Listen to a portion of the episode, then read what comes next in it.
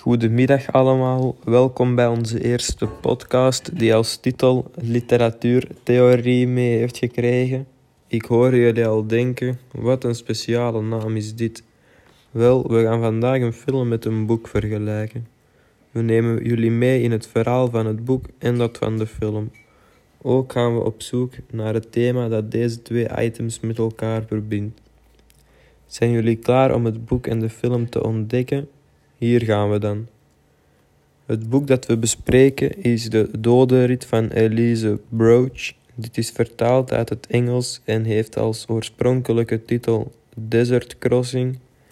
De eerste Engelse druk was in 2006 en de eerste Nederlandse druk was in 2010. De cover van het boek is gemaakt door Marissa Kok. Als je deze even rustig bekijkt, dan zie je een huis en een weg die oneindig is.